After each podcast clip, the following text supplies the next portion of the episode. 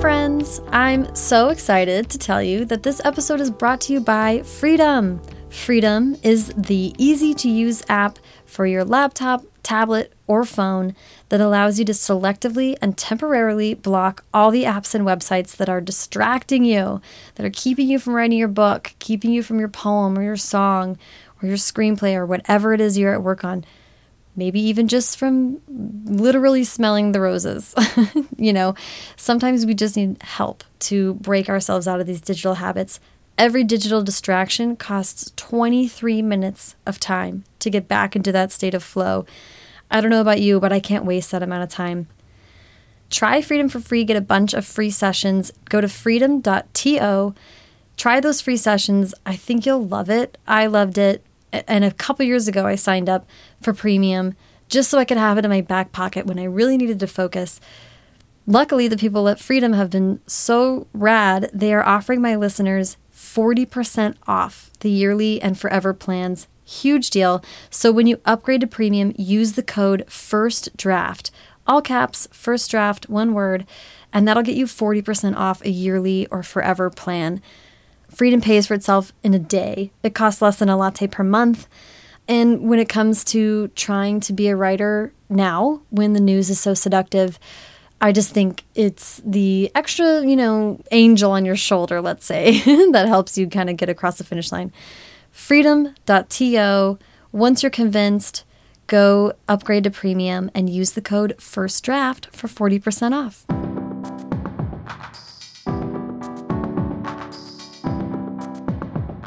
Welcome to First Draft with me, Sarah Enni.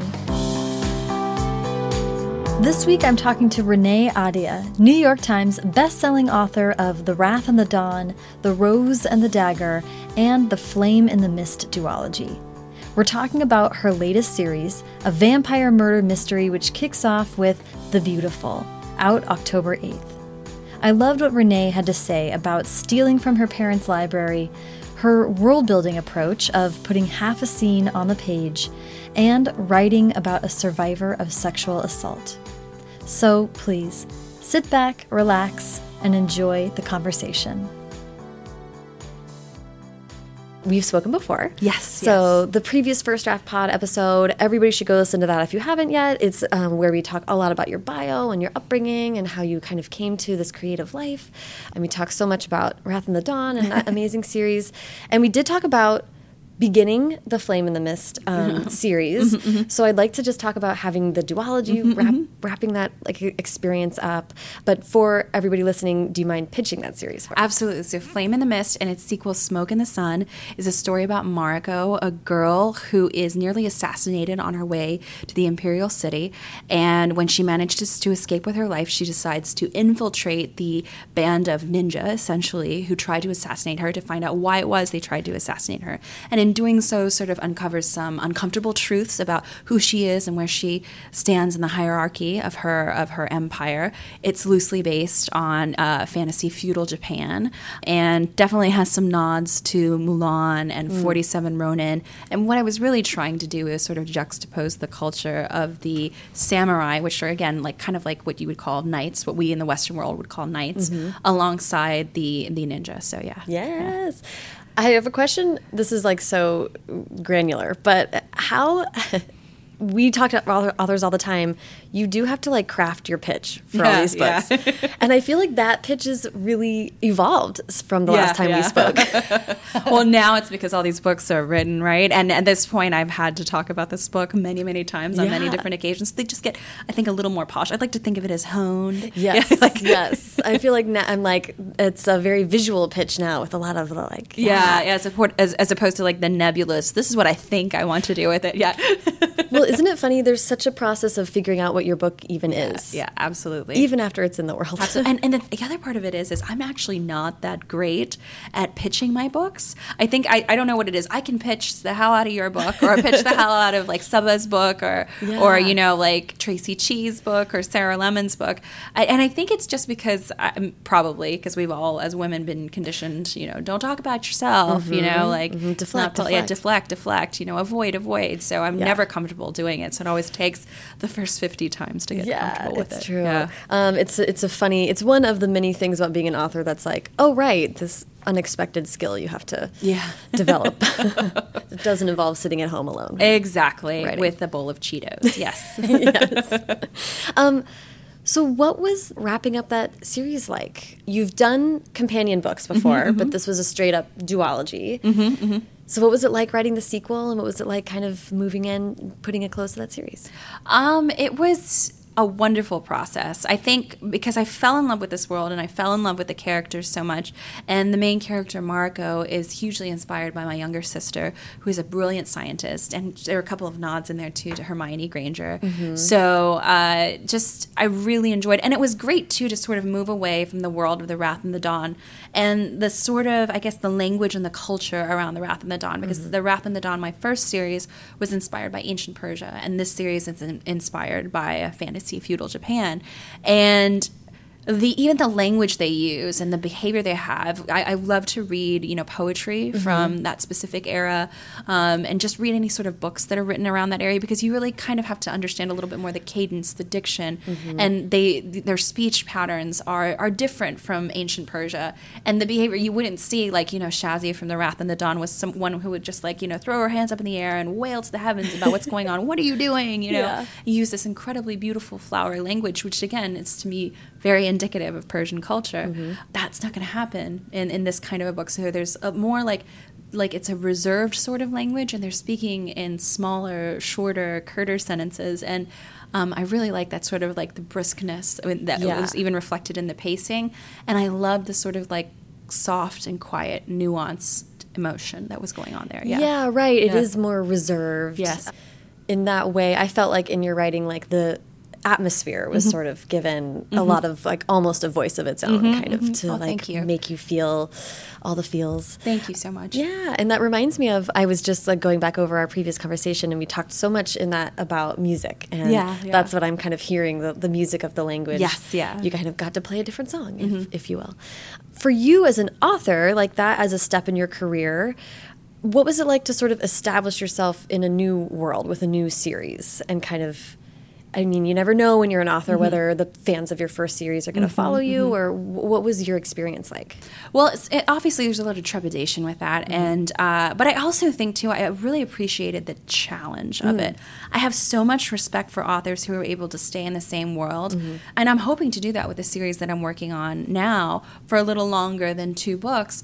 But what I'm looking for in my writing is a chance to, like, sort of like you know grow i guess is the best way to describe it. You know no, Yeah. like the exercise a new muscle. Mm-hmm. And that's what i saw this book as being because i was writing about a character who was very science driven and very mm-hmm. scholarly and that was not me when i was growing up. You know i was very much a bookworm very much into social sciences on the mm-hmm. debate team all that kind of stuff. So i wasn't somebody who was really good at chemistry or inventing, and that's mm-hmm. very much Mariko in these books. And getting also to explore an East Asian world. My mother is South Korean, mm-hmm. and even though there's like vast worlds of differences, you know, that sort of like common root of sort of Confucian thought, the Buddhist thought, you know, because my mother's family is from South Korea, and especially Shinto Buddhism in Japan, which is very unique to that culture. It's it's really interesting to get to explore that and understand that and work that and let it sort of weave its way into the culture and the world that you're building, even in a fantasy novel. So I really appreciate those kind of challenges, and Yeah. uh, I I look forward to doing more of them in the future. So yeah. Did you feel like? Did you have expectations for what it would feel like to have the new book come out, or was mm-hmm. it just? And th- this is just coming from a place of like it's mm-hmm. interesting to hear people think mm-hmm. move through their professional lives and, and shift and change. So yeah, I'm just curious if you had any expectations, or if you were really waiting to see what happened. Well, I think like I tend to sort of train myself in this industry because everything is so unexpected. Yeah. You don't you don't know what's going to work out. So I try not to have expectations. I have hopes. Yeah. I was really excited that Flame hit the New York Times list. Mm-hmm. Uh, that was really exciting for me because again, you think to yourself these books that you're writing, these characters that you've lived with, um, for such a long time and that you've created in your mind and they're very real to you, you're like, are these going to resonate? And especially the sort of trepidation that comes with switching gears. Yeah. Like, you know, not continuing with something that's established and, you know, for all intents and purposes, a little safer to Mm-hmm. continue writing in that world. But I was really happy to see, you know, that like so many people sort of were interested in coming along for the ride because they are different books. I Yeah. would say that their their pacing is different from from Wrath and Rose. And I, I just really love these characters and I really love the story that's being told here. And i really love kind of taking because we write i write primarily for young kids uh, even though half my readers are actually crossover audiences but the idea is we're writing ya books. And so the, the message like my personal philosophy sort of like a little no, maybe not so subversively works its way into the narrative and writing about girls who they're not just like Mariko isn't just a, like a fighter. Yeah, mm-hmm. maybe there might be instances where she fights, but that's actually not her strength. And what I really wanted to explore with both Flame and Smoke, its sequel, Smoke in the Sun, um, were the different kinds of strengths because we often just kind of define strength through the sort of like the male understanding of what it means to be strong a hunter a provider someone who fights someone who yells someone Yeah. who can shoot and wh- uh, shoot a bow and arrow you know like and while i love heroines like katniss i think that's fantastic. What i was most interested in in this series is exploring strength of the heart strength of the mind because there are so many different kinds of strengths Yeah, physical strength is not Yes, the only one like like step one, and Yeah, now we can sort of uh, exactly. expand our horizons. Yeah. that's so great. I I, I just think, um, and thank you for uh, these are like kind of odd questions, but I No, just no, think no, it's no. Yeah, yeah, yeah. interesting to peel the curtain back sometimes. Sure, and, and absolutely. think from that perspective. And it's just like I guess part of why I'm thinking about it is because in with your career, all of the books are very distinctive and different, but I feel I feel like there's such a connective tissue. Oh, thank I mean, you. there's a lot of similar themes, and mm-hmm, and of mm-hmm. course you're inspired by history, mm-hmm, mm-hmm, but and we'll get into it in a second. But it's it's just fun to see some authors like chameleonize into Mm-hmm, new books and like.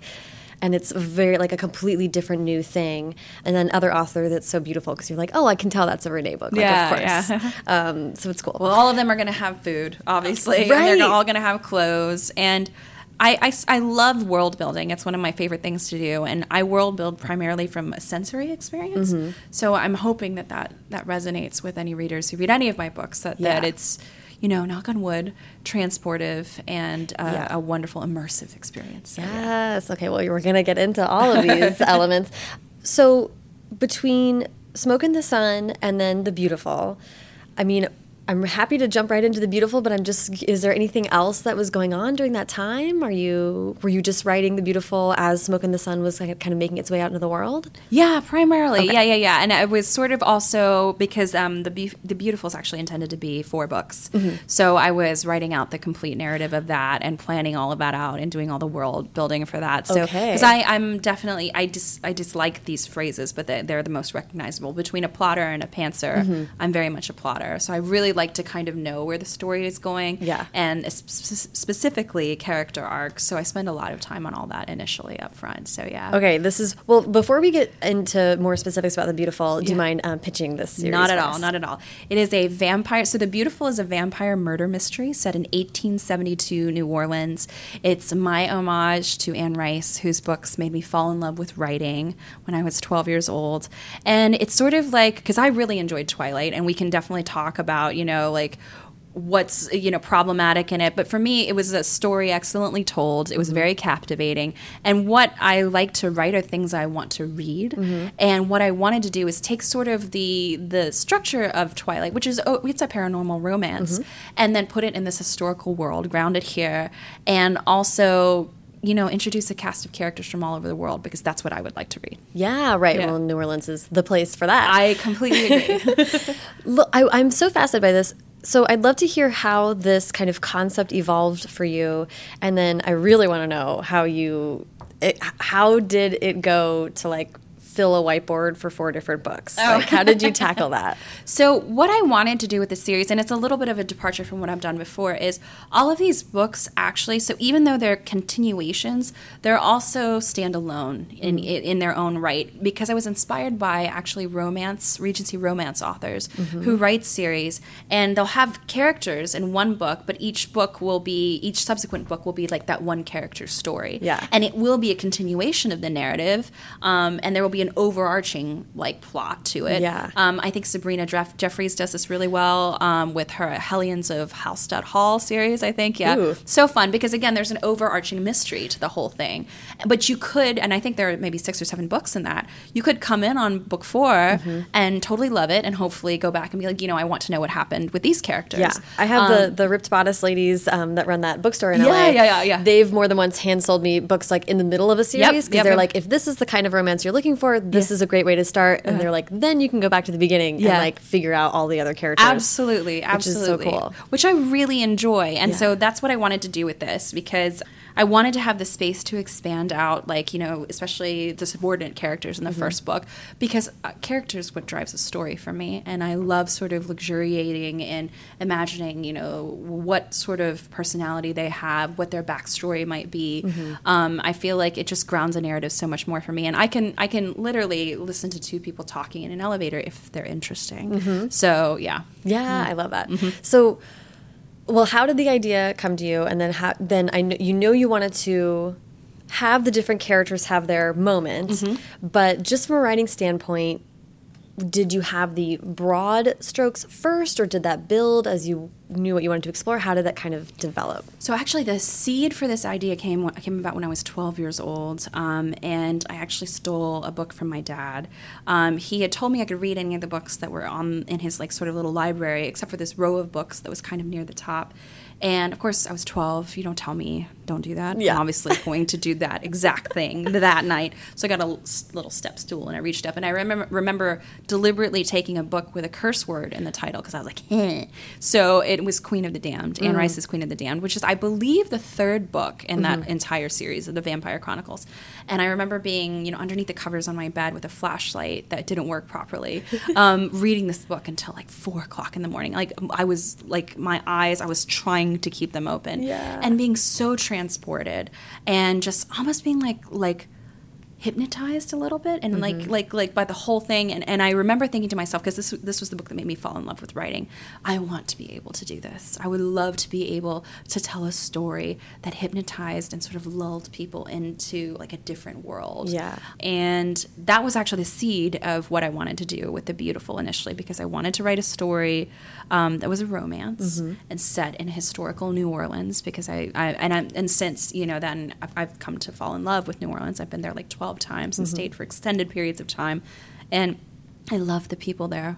I love the food. I love the culture. I love the music, and I love just getting lost in its streets. Yeah. So, um, I, I just, it's just for me a perfect setting because it's sort of sinisterly sexy. Yeah. So uh, it really works with it, and it lends itself to myth and magic. So, Right. yeah. Yeah. Right. Did you know that you wanted this to be a murder mystery? Was that So, I mean, I think inevitably, if you're writing a vampire book, you know, like like there there should there's going to be elements of death in there, Right. And I I've always been partial to mysteries. I'm a big fan of Columbo. I'm a big fan Yes. of Poirot. Mm-hmm. Like, so I was just like, you know what, this kind of it again just lends itself to. Because I didn't necessarily want the onset to be just like, oh, she meets a vampire and immediately falls in love, which even though that's like sort of like the narrative structure of Twilight and it totally worked for me, I felt like there needed to be like, you know, a little bit of build up and I wanted her to be um, intrigued by what these creatures were. That she realizes very early on, well, he can't be entirely human. There's something off here. Right. But I want her to sort of again be hypnotized into like sort of following the white rabbit down the hole sort of thing. You Yeah. know? Yeah, okay, I love that. Yeah. Although, I mean, that's sort of setting yourself a very difficult, like a historical, Yes. a historical Yes. book, Yes. a paranormal book, and a mystery book. Each on their own have so many, um, not rules, but certainly like reader expectations Mm-hmm. Yeah. Mm-hmm. and, and a lot of work for you as an author to braid them together on purpose feels wild. How I did was you? in a fugue state. Um, I, no, it was actually wonderful, and this was the hardest I've ever worked on a book.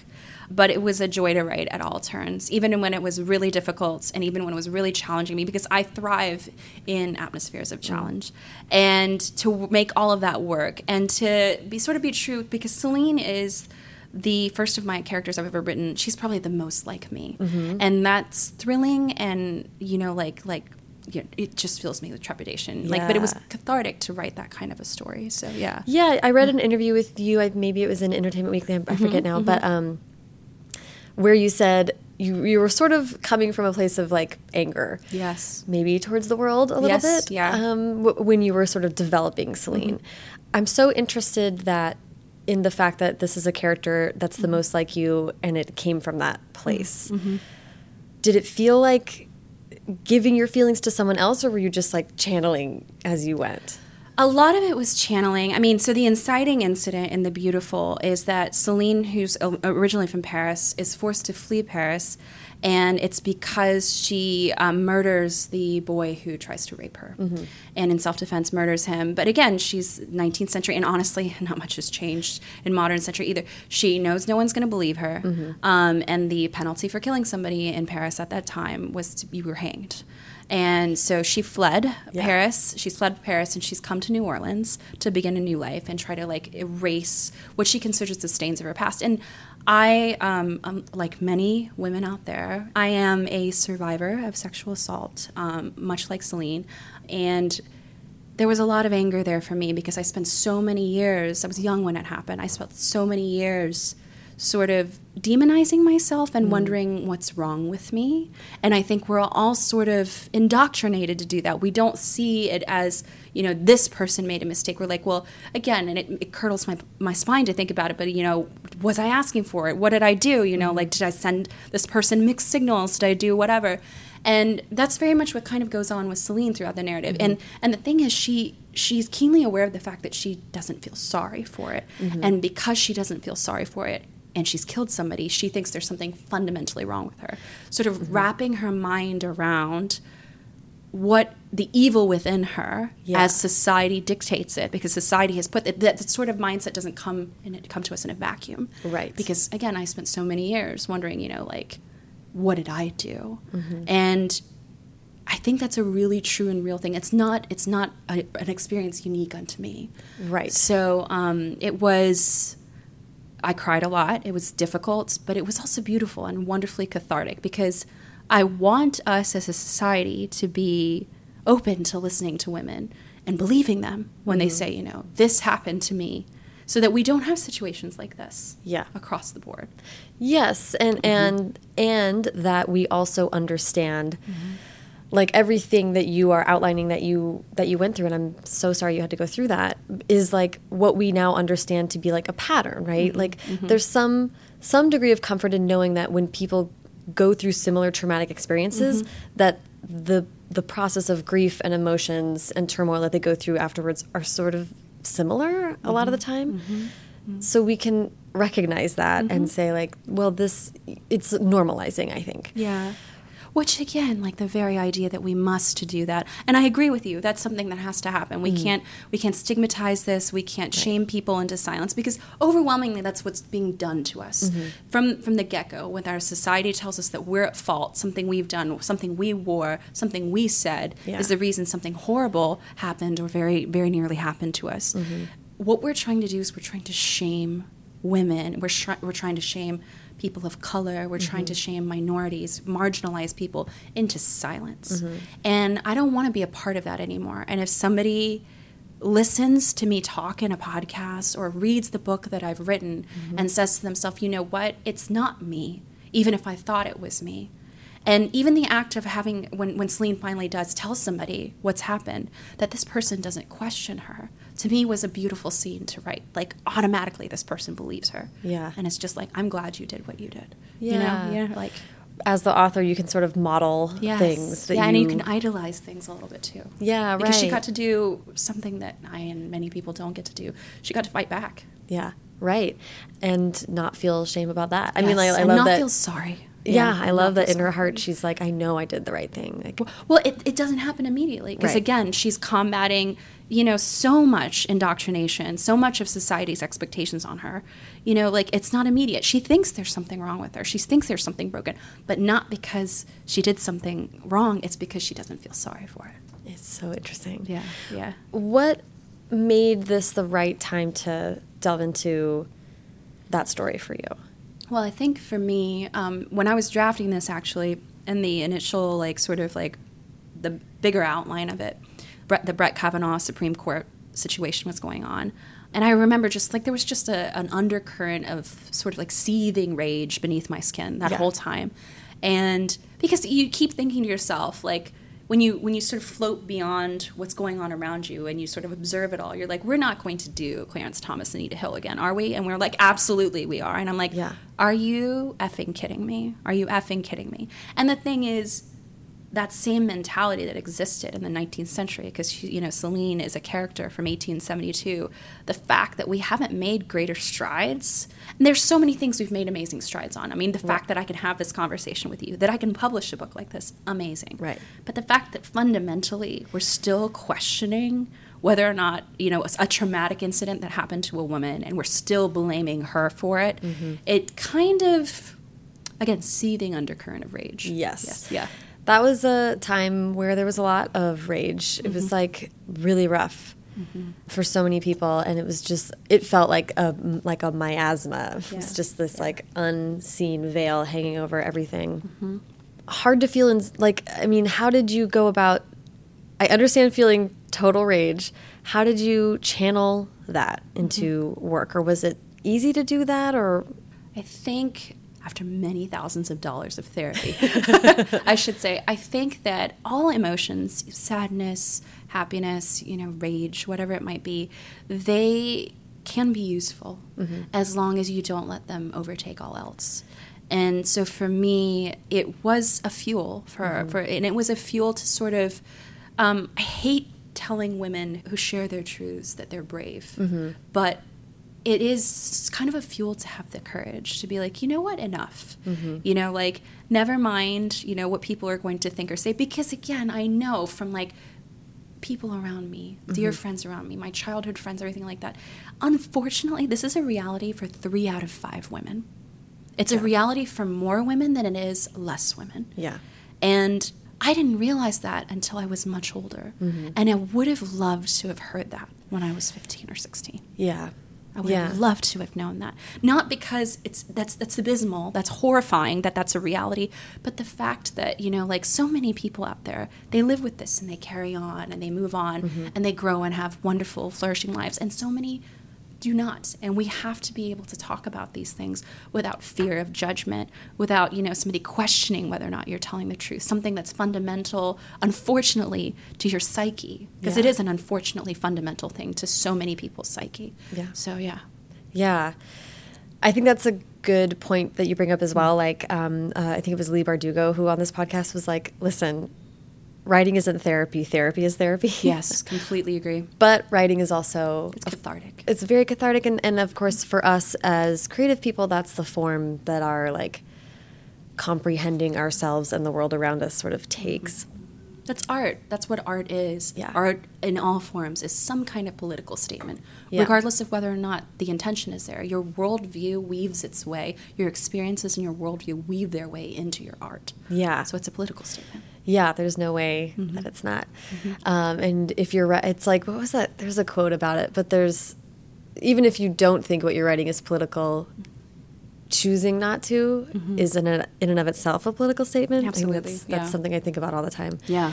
I don't want to let you get away with not answering my very whiteboard question. Okay, sure, sure, sure. Only because I'm just thinking about like this J.K. Rowling type Mm-hmm. of uh, spanning seven books. I mean, four books is not nothing. Mm-hmm, And just for you, for the other writers listening, like, how do you go nuts and bolts, bullet points, planning Sure, it out? How do you visualize it? So I am, a, as I said before, I'm a character-driven writer. So what I do is I take the all of the main characters and I give each of them a white piece of paper. I put their mm-hmm. names in the center, and I'll use the example I use often when I'm talking about this in like like craft workshops or whatever. So Shahrazad from The Wrath and the Dawn. Mm-hmm. So I'll put her name in the center of a piece of paper, circle it, and start to draw like a, a, essentially Like a web mind map. Yeah, exactly. And I'll say, you know, characteristics that I want Shahrazad to embody. Shahrazad is brave. And from these different characteristics, I will then uh, conceive of a scene mm. that shows, because again, show, don't tell, show Shahrazad being brave. So Shahrazad, in one of the opening chapters of the book, is marching to marry a murderer, mm-hmm. and she has volunteered to do this because she wants to get revenge for the death of her best friend. Mm-hmm. So that shows Shahrazad is brave. And then you do this for every single character, and then I begin to take those little vignettes that I've created and sort of string them into chronological narrative. And mm-hmm. often I'll then find things that are overlapping, something that's redundant, or maybe a scene that can do the job of two or three of them all at once. But I carry that uh, sort of like character driven plot arc. And then at the top of each one of these pages, I say, what does Shahrazad want? Mm. What does Shahrazad need? Mm-hmm. why won't she get it? Mm-hmm. What does she get at the end? And sort of then you're always keeping these sort of key components of every character's arc in mind. Mm-hmm. And so then I know with the first book and The Beautiful that that's Celine's story. Right. So I'm addressing these issues here. With the next book, I'll address that character's issues. But then what you also have to do as a writer is the macro and micro conflict. So you have a, a macro conflict over the whole thing, which works out very well. If I'm doing four books, you can have a macro where you're essentially just unspooling 25% of that. Yeah, And then these little micro uh, conflicts and micro narratives going on underneath it that you might, you know, finish. You might, Mm-hmm. uh, you know, you know, like close the book on that particular one, so to speak, and then Yeah. move on to the next one. Yeah. Yeah. Oh my god, I love that. it's like I'm like f- tracking the visual with you as you go.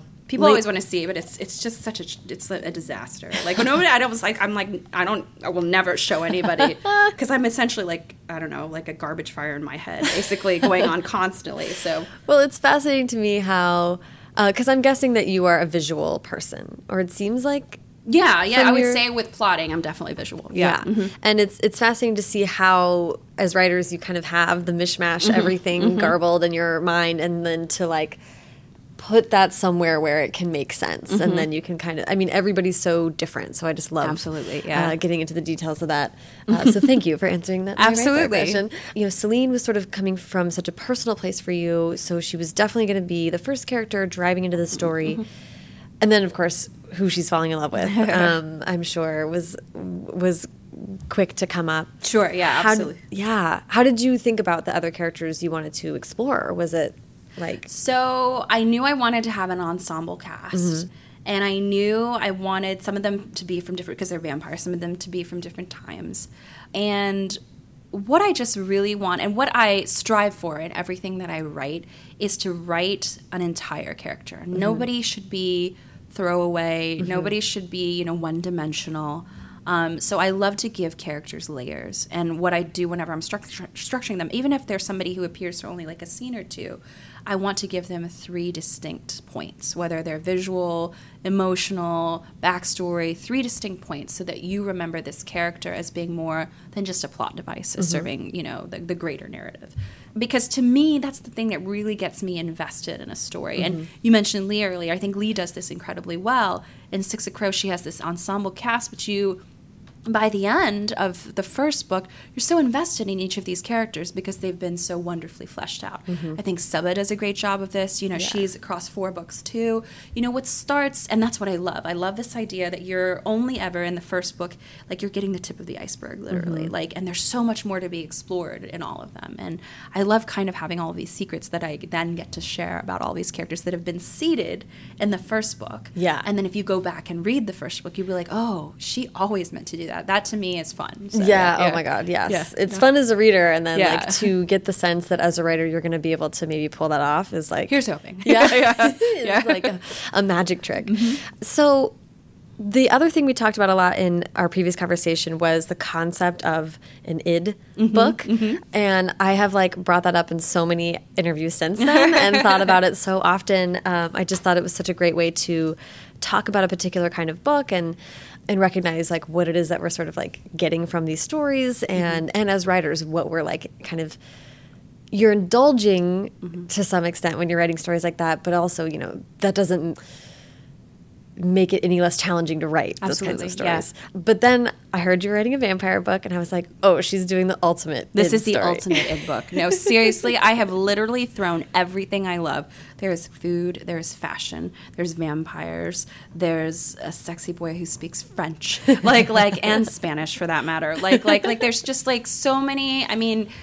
It's no holes barred with this Yeah. book. And I kept waiting for the moment when my editor would be like, "You need to pull back on this." You need, and she never did. And I was like, "Bless you, I love you so much." She's was like, "In fact, throw in more. Give me more of it." So yeah, That's amazing. it's also like when you're combining all the things that you love, it's it's Mm-hmm. all id and coming from like this like joyful, like lovey place within yourself, but it's also very specific. Mm-hmm, So it's a book full, you know, it's just speaking for myself. I put a lot of like personal things from my life in my book that t- that were. I was like, this is so strange. What a strange combination of things. Uh-huh. But these are all the things that are interesting to me, and I think all the specifics is what makes it so unique. And I and think real. Yeah, And it- it's real because you're taking something that's so.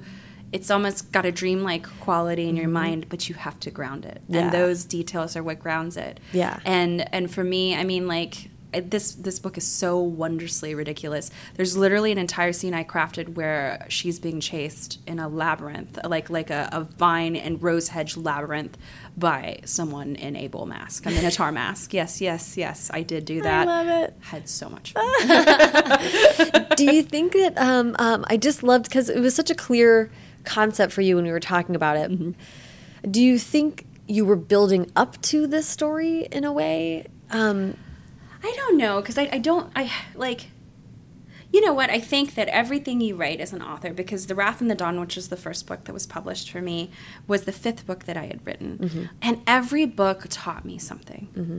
And even the ones that didn't get published or the like especially the very earlier ones that should never be published let's be clear they were all learning lessons. They taught so one of them taught me how to do you know uh, a, a, like a like a I don't know a fast moving like a fight scene or something like that. How am I going to work this? What are the intricacies of this?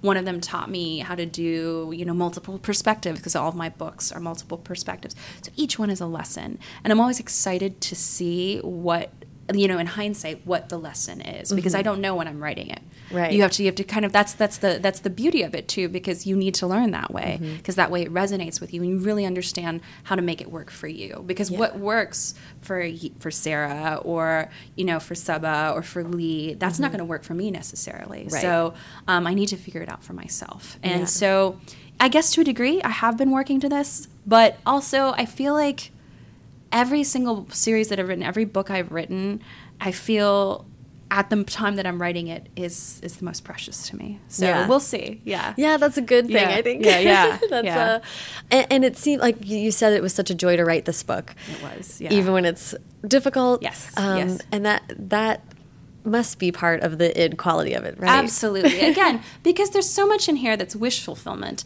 and in do in writing a book that's wish fulfillment, obviously you want to make sure that the narrative makes sense, the plot makes sense. But I mean, that's I also feel like that's largely what Stephenie Meyer did with Twilight, and why we love to read it so much. It is an incredibly id book to read. Like Yes. there's that like satisfaction that that uh, sort of like unfurls in you as you're reading a book like this. Yeah. And the best ones to me unfurl slowly. So yeah, yeah. Yes. So we've been talking about Twilight and the interview with a vampire series Mm-hmm. by Anne Rice. There's so many really vivid vampire stories that are kind Mm-hmm. of out in the ether. Even though we've culturally taken a bit of a break from them Yeah, for, yeah, for yeah, a while, they still kind of loom large.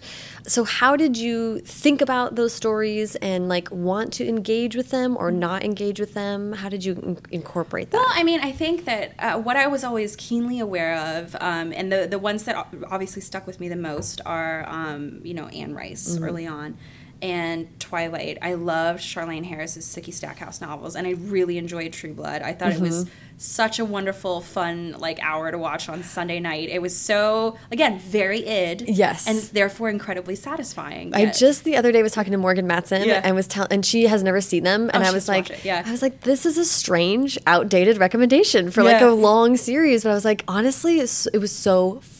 It's so fun. It's so fun. And there, I mean, like, I remember, like, at turns being, like, you know, horrified, intrigued, and then just bursting out laughing when watching that TV show. So I love what they did with that. So, I, again, like, keeping those threads there, you know, the, the sort of wonderful angsty romance that exists in Twilight, that, uh, that just, like, harrowingly haunting setting of Mm. Anne Rice's stuff. And then that's just like very fun and uh, at, at turns humorous. Yes. like the like the, the captivating humorousness and just the absurdity that existed in True Blood, and Yeah. then we just went along with it. It just Yeah. it just showed me that you know if you can do this convincingly, well, you can do whatever you want. Like, Yes. like, like, so, if yeah. you commit, yeah, your- commit. your, Yeah, audience yeah. will, will go you with can't, you. You can't flinch. You can't. You have to Yes. no holds barred. You know, like Yes. Kick in the saloon door and just fire buckshot. Just do it. Yes. Oh my god, I love that. Um, that's so fun. So, so it, it's sounding like there was some elements of being inspired by them. Sure, absolutely. And then I'm really connecting to how you're talking about putting in all the things that you love because I talk about this a lot on the podcast, but I just think that you people can't hear it enough.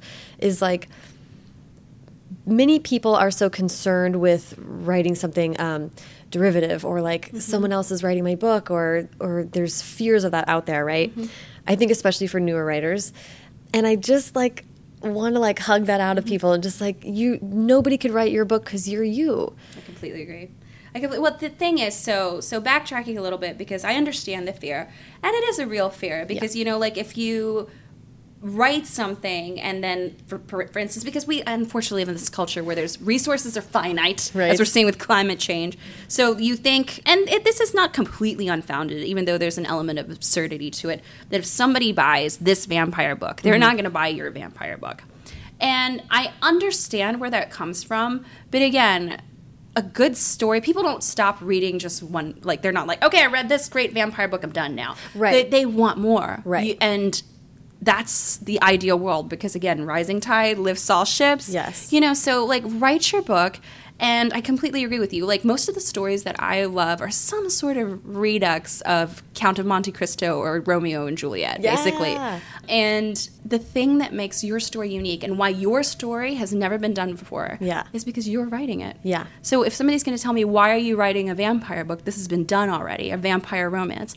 No, it hasn't, because I didn't write that book. right My perspective, the things that I love, are going to be completely different. You give 10 authors one prompt, you get 10 different stories. Yes. Completely different stories. which is what half of these anthologies are. Exactly. As- exactly. So trust if you're if you're listening to this and you're an aspiring author, a published author, please know that your book will always be different from everyone else's book because you wrote it. Yeah. And never worry about, you know, you that that, that all important elevator pitch. The thing that will distinguish your work is you. Yeah, and that's like then then the other on the other hand of that is don't hold back from putting yourself in your Don't. work. Yeah. Don't, yeah. You got to be all in it. Mm-hmm. well, and you can't. That's the other thing. Like, and I think a lot of aspiring authors fall prey to this. I know I certainly did early on. The idea that you have to write to a trend. Don't ever write to a trend because by the time you've written the book, if you're noticing the trend, it was noticed three or four years ago. Yep. You're already too late. Yep. You need to write the book you want to read Mm-hmm. because you're going to need to read this sucker two, three hundred times. No, no joke. From the time that you conceive of the idea to the time it's a book on the shelves, It's so you are going to get so sick of that bloody book. Yeah. So if you don't love it, if you're not like, you know, like I don't care if no one likes this book, I am so in love with these characters, I'm so in love with this world. Um, you've already lost the battle before you've begun. So put all of those things that you love in there. Let the industry tell you to hold back, which I have found again, they do not. Right. Because they're there for this. Well, you already touched on this a little bit, but I loved this quote in the, an interview you did recently. I've always enjoyed juxtaposing love and death in my work because they are both such all consuming things. I mean, yeah. Yeah. but I also was reading that and thinking, like, that is, I feel like that's like unique for you to have realized so clearly that those are two things that you want to see kind of clash. Thank you, firstly. But I, I think it's also because I've always been a lover of Gothic fiction. Mm-hmm. And those are very fundamental elements to some of my favorite Gothic fiction. Mm-hmm. And I think one of the reasons we're so enamored with the idea of vampires is the idea that if you're dealing with an immortal being, being firstly, how can you decide something is po- important if you don't have the constraint of time on you? Mm-hmm. You know, we're told to seize every day, you know, seize your moment, um, you know, live each day to Yeah, the fullest is short. because because it's finite. And then to take it a step further, which again I think is also very captivating about vampires, is if life is infinite, can emotions be infinite too? Mm. Can love transcend the bonds of time? Mm-hmm. So and and and that's why I think we love paranormal romance so Oh much. Also, vampires are great bad boys. So yeah, They're so great. Yeah. well, that does bring me to like like when you're talking about paranormal and this, and vampires in particular. they represent so many things. Mm-hmm. In True Blood, they there there was a lot of LGBT issues that they mm-hmm, were exploring mm-hmm, through through True Blood, and of course desire, death, sexuality. Do you have a sense yet of what vampires are, how they're operating as a metaphor, or are they operating as a metaphor within your world? Again, I think that they operate largely from this place of, of wish fulfillment, mm. and also challenging that. Like, the, it's a very common theme in so many, so much literature that I love, so much art that I love. Mm-hmm. Mortality. Yeah. Yeah, you know, like like like what kind of a mark are you leaving on the world in the finite amount of time that you're and not just what are you leaving on the world, what are you leaving on those around you? Mm-hmm. And what do you what do you make your sort of mantra in life and your goal in life? And if you were allowed to live forever, would you want to live forever? Right. And for me, that's the sort of a very I, I don't actually have an answer yet because I loved I love life and I love experiencing things. Like, will there be a time if I was given an infinite amount of time that I would feel no, I no longer wish to experience this? You Yeah. know, like and sort of contemplating our own limitations and then like like seeing what the possibilities could be if we weren't Right. fettered to that. And I I appreciate you exploring those themes through vampires, um, because other writers uh, like Somaiya Daud, have you read Mirage yet? Yes, I loved it. I was gonna so say, much. that's It a very so Renee book. wonderful. yeah, such a good book. I loved it so much. I'm obsessed with her. She's so wonderful. Is wonderful. She is great, and she but she has a personal obsession with robots Oh, and like AI and li- sense. living forever in that way. Yeah. And I am terrified of robots and I hate them. uh, so she was like, "Well, great. The minute that it becomes an opportunity to for me to trade my human body and jump on into a, a steel box, I'm, She'll do I'm doing it. She'll do it? And Okay, she was like, right. "And I'm selling you out under the river to, to get there." I was like, "Great. I will, I'll go down." does she think though? And I, again, I don't have an answer. Does she think that like she'll always be enamored by this idea? I will she ever want to know what it feels like in the world to be of flesh and blood again? I don't. I would kill to know. So I'm going to take a note of that and ask her the next time I Yeah, see yeah, her. yeah. And again, Um, it's one of my favorite books when I was growing up. Another one was Mary Shelley's Frankenstein Mm-hmm. for the same reason. Can you beat death? Right. Yeah. I mean, and it's a fun. I mean, what's interesting is that that question is more relevant now than ever mm-hmm. because we truly are like, there literally Google is funding mm-hmm, mm-hmm. efforts to beat death. And there's, Or reactivate a, a deceased brain, which just like pun intended blew my mind. yeah. So it feels like a very timely subject to kind of grapple with. Like, we as writers are kind of always doing that kind of thing. So often we grapple with it and we're like, we're talking about. These are the good, good and bad things, and scientists are mm-hmm. like, "No, that would be cool. We'll Yeah, do that." yeah, we're we'll like, "No, totally no, do no." that. we talked about this with, with regard to your last books, but research. You, the clothing, the Yeah, food. yeah. I mean, I know you cook stuff for every mm-hmm. book. So, mm-hmm. what were you cooking for this book? I mean, everything. This was such a joy because, like, again, I got to explore uh, Creole cuisine, Cajun cuisine, which are two very distinct cuisines in, in New Orleans. Obviously, I get to do an entire thing on French sauces, which I'm obsessed with French sauces. Amazing. They're they're the best sauces. And then when you get to add like the spice that comes along with, especially Cajun cuisine, to Mm-hmm. it, um, some amazing seafood dishes.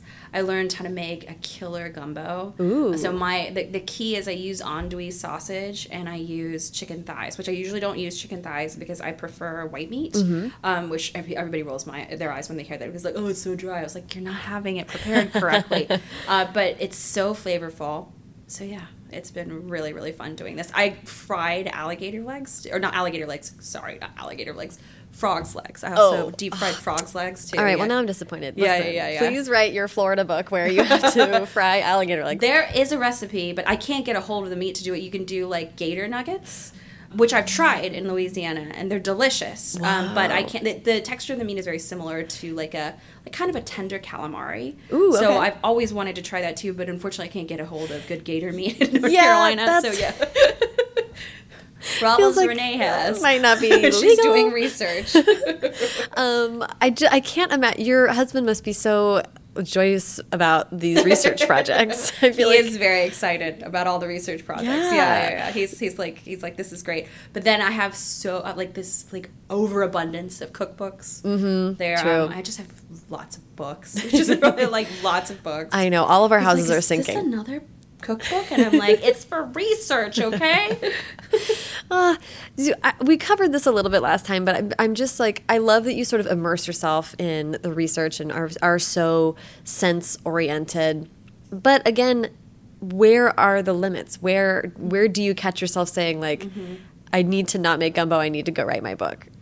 Um, well, I never tell myself that. I always need to make gumbo. I think for me, what I like to do because I I do feel like you don't want to become Dickens. I think that there's a, a chapter in uh, A Tale of Two Cities where and he was paid by the word and there are moments that it shows where he literally describes i believe it was a bishop's like the way he liked to take his chocolate it went on for like three or four pages wow. which is only a little bit long um, the the thing that i like to do is when i'm imagining a scene in my mind i like to put half of it on the page. Mm-hmm. because i think the important thing we need to do as authors too because the thing that really gets me invested as a reader is sort of filling in the blanks with mm, my own mm, imagination. yes. So you have to trust a reader to do that. And maybe what they fill in the blanks with isn't what you necessarily pictured but if it works for them and it lets them sort of like so maybe don't you know describe the iridescent scales on the fish right. in the in the fishmonger stall you know like like but you know let them know there's a fishmonger right. stall there maybe you know a passing whiff of mm.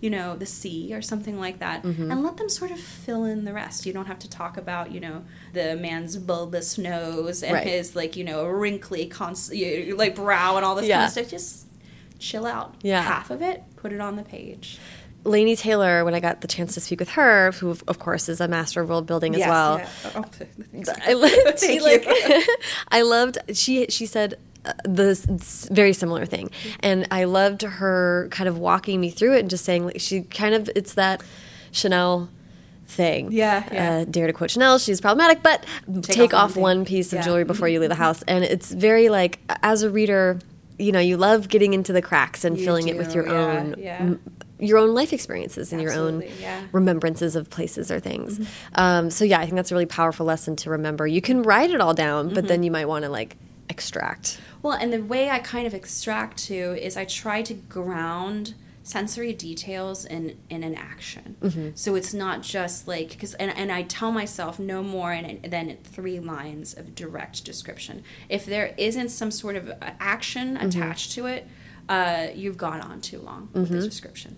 Yeah, it's smart to have rules for yourself, basically. Oh, it's always going back and editing. Just yeah. just write just write it as you want it to be, and then you have to pull back and you yeah. have to sort of you know kill your darlings mm -hmm. um, and go in there and figure out you know what is the most visual and action oriented representation of this world that you want, and maybe then you can you can put that you know like sensory detail that you can't let go of mm. into an action mm-hmm. later on or something like that yeah, yeah. i like that uh, looking forward uh, I mean, that sounds nuts to ask you about. Like, you have three books to write, but uh, but for actually, first of all, I would like to hear how, within your particular case, with your with this contract, what are your deadlines, and how mm-hmm. are you sort of like getting in the zone to finish the series? So I'm working on the second book right now, um, and it, it's just I think that I think that this is going to go. I'm, I'm very excited about where each book is supposed to go, and with, and especially because each one has a new like lead character. Yeah, that's it's a smart way to yeah. keep it really fresh for yourself. I'm too. hoping so, and also like because again, if you have people who come in and they're like, oh, I don't want to wait for four books, but they're like, you know, I could. I does it have a satisfying arc? Yeah, absolutely. Are you gonna probably want to read the next one? I think so. So like, I hope so. good, good. Um, are the are the deadlines different? Like having these four books sort of in place, mm -hmm. is that different from how you've worked in the past, or is oh no no no because like I always sold multiple books right. since I began at the onset with mm -hmm. uh, with the Wrath and the Dawn. I always sold multiple books. Okay, we always had plans for. So you're kind of in the I'm in the zone right now. Um, I definitely have ideas for other things I want to write. You know, I would love to do something with adults. I would love mm-hmm. to do mm-hmm. something with middle grade. So I'm just kind of fleshing out these ideas a little bit. Yeah, so, yeah, yeah. fun. Was there anything else about the beautiful you want to make sure that we discuss or talk about? Um, that it's coming out in October. Mm-hmm uh, right right before Halloween, and I know that there's going to be well at this point it's already out, right? You said this is coming out, yeah. yeah. So um, there's a great pre-order campaign, and I will be touring. So awesome. I'm really excited to meet everybody, and I hope every all my wonderful readers, because again I cannot do this without all these tremendous readers and booksellers and librarians and book lovers everywhere. Mm-hmm. I'm so grateful for all of the support over the years. And I really hope you fall in love with Celine and Bastien and the world of the beautiful. Yes. So, yeah. And if anyone is seeing Renee on tour, for the love of God, dress up like these characters. Oh, talk about Halloween. Do, please do. these kind of books just like make me want to go to a costume shop. Absolutely. Go wild. Absolutely. um, well, this has been such a joy. Thank you so much, Renee. Thank you so much. Thank you so much to Renee. Follow her on Twitter and Instagram at Renee Ahdieh, and follow me at Sarah Enni and the show at First Draft Pod. For links to everything that Renee and I talked about in this episode, check out the show notes, which are at firstdraftpod.com. Uh, Renee threw out a lot of references to really wonderful stories, vampire stories, some classic books, um, and a few other amazing YA writers. Uh, so you can always check out uh, easy links to all those things at firstdraftpod.com. Do you have any writing or creativity questions that you would like me and a future guest to answer in an upcoming episode? I would love to hear from you, and I set up a voicemail box to do just that. Uh, so you can call and leave your question at 818 533 1998. I'd really love to kind of get a sense of where my listeners are. I know a lot of you are creators in your own right, so if you have those questions, send them my way. If you've enjoyed the show today, please subscribe to the podcast wherever you're listening and uh, consider leaving a rating or review on iTunes. It's super easy and can be just so fun. I'm going to read you a recent example. Uh, this review was left by Glam Tart. Glam Tart says, Great interviews. Sarah Enni asks the best questions, and she always makes you feel like you're joining in on a private, relaxed conversation between friends. That is so nice. I'm so happy to hear that that's how you feel, Glam Tart, when you're listening to the show. It's definitely my intention to have a bit of a fly on the wall feeling. Those are my favorite kind of interviews to listen to, so that means a ton. And the fact that you left a five star review on iTunes means the show is more likely to show up in the recommended section for other kind of book related shows and, uh, and find more listeners. So I really super duper duper appreciate it. Haley Hirschman produced this episode. The theme music is by Dan Bailey, and the logo was designed by Colin Keith. Thanks to production assistant Tasneem Daoud and transcriptionist at large Julie Anderson. And as ever, thanks to you, bull mask wearing maze navigators, for listening.